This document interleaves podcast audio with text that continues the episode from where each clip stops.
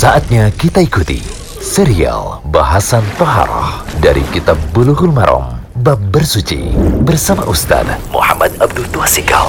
Alhamdulillah, salatu wassalamu ala rasulillah wa ala alihi wa sahbihi wasallam. Kali ini kita berada di audio ke-36 dari kitab Bulughul Maram, kitab Toharoh tentang pembatal wudhu. Yaitu hadis ke-71 ini tentang ragu-ragu apakah hadas ataukah tidak padahal yakin masih dalam keadaan suci. Hadisnya hadis 71 ini dari Abu Hurairah radhiyallahu anhu ia berkata Rasulullah shallallahu alaihi wasallam bersabda idza wajada ahadukum fi batnihi syai'an fa ashkala alaihi akhraja minhu syai'un am la fala yakhrujanna minal masjid hatta yasma' sautan aw yajida rihan akhrajahu muslimun.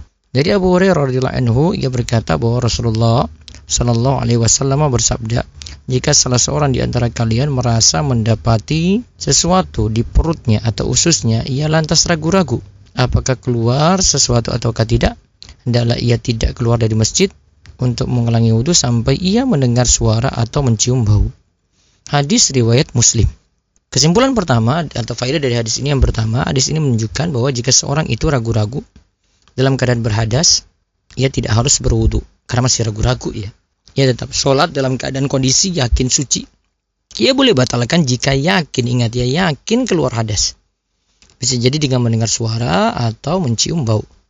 Faedah hadis yang kedua di sini jadi kaidah penting al yakinu la yazulu bisyak. Artinya keyakinan tidak dapat dihilangkan dengan keraguan. Jadi tunggu yakin dulu ya baru kemudian orang itu putuskan itu batal ataukah tidak. Kemudian yang ketiga, hendaklah tidak memperhatikan was-was di mana setan berusaha menggoda lewat jalan ini. Setan menggoda agar bersuci, sholat, dan ibadah kita itu menjadi rusak.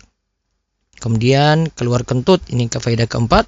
Keluar kentut itu dengan jelas ya ini membatalkan wudhu. Kemudian kita lihat ada bahasan lagi syak dan waswasa. Syak itu artinya ragu-ragu, waswasa itu ya waswas ya. Kalau syak ini masih berimbang ya batal tidak ini masih berimbang jadi antara ini merupakan keyakinan keseimbangan yang sama kuat. Batal tidak batal artinya sama-sama yakin. Sedangkan waswas itu bisikan jiwa dan setan yang tidak dilandaskan pada keyakinan dasar. Jadi tidak ada keyakinan dasar namun orang-orang yang merasa was-was ini ya dia bingung ketika itu. Ini diperhatikan atau tidak ya? Yang jelas ini baru was-was. Nah, sebab muncul was-was ini biasanya karena minimnya ilmu syar'i, lemahnya iman, yang ketiga itu lalai dari mengingat Allah, kemudian yang keempat kelemahan akal, yang kelima tidak bergaul dengan orang-orang yang memiliki ilmu dan iman sempurna, yang keenam tidak mengikuti Rasulullah Shallallahu Alaihi Wasallam.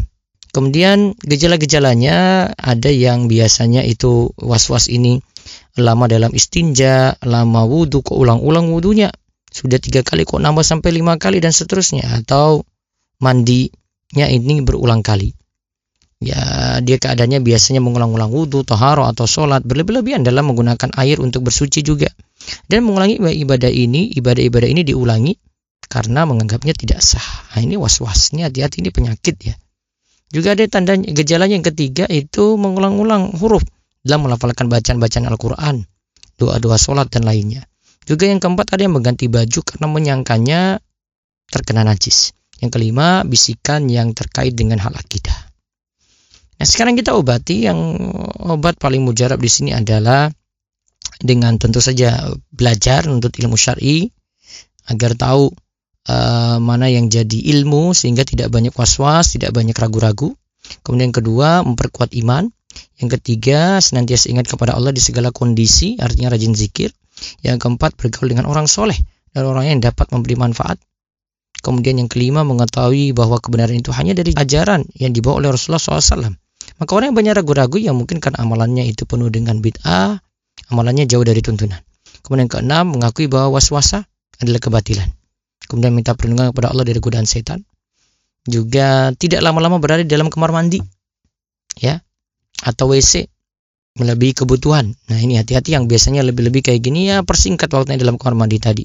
Karena jamban dan WC itu tempat berkumpulnya setan atau roh jahat.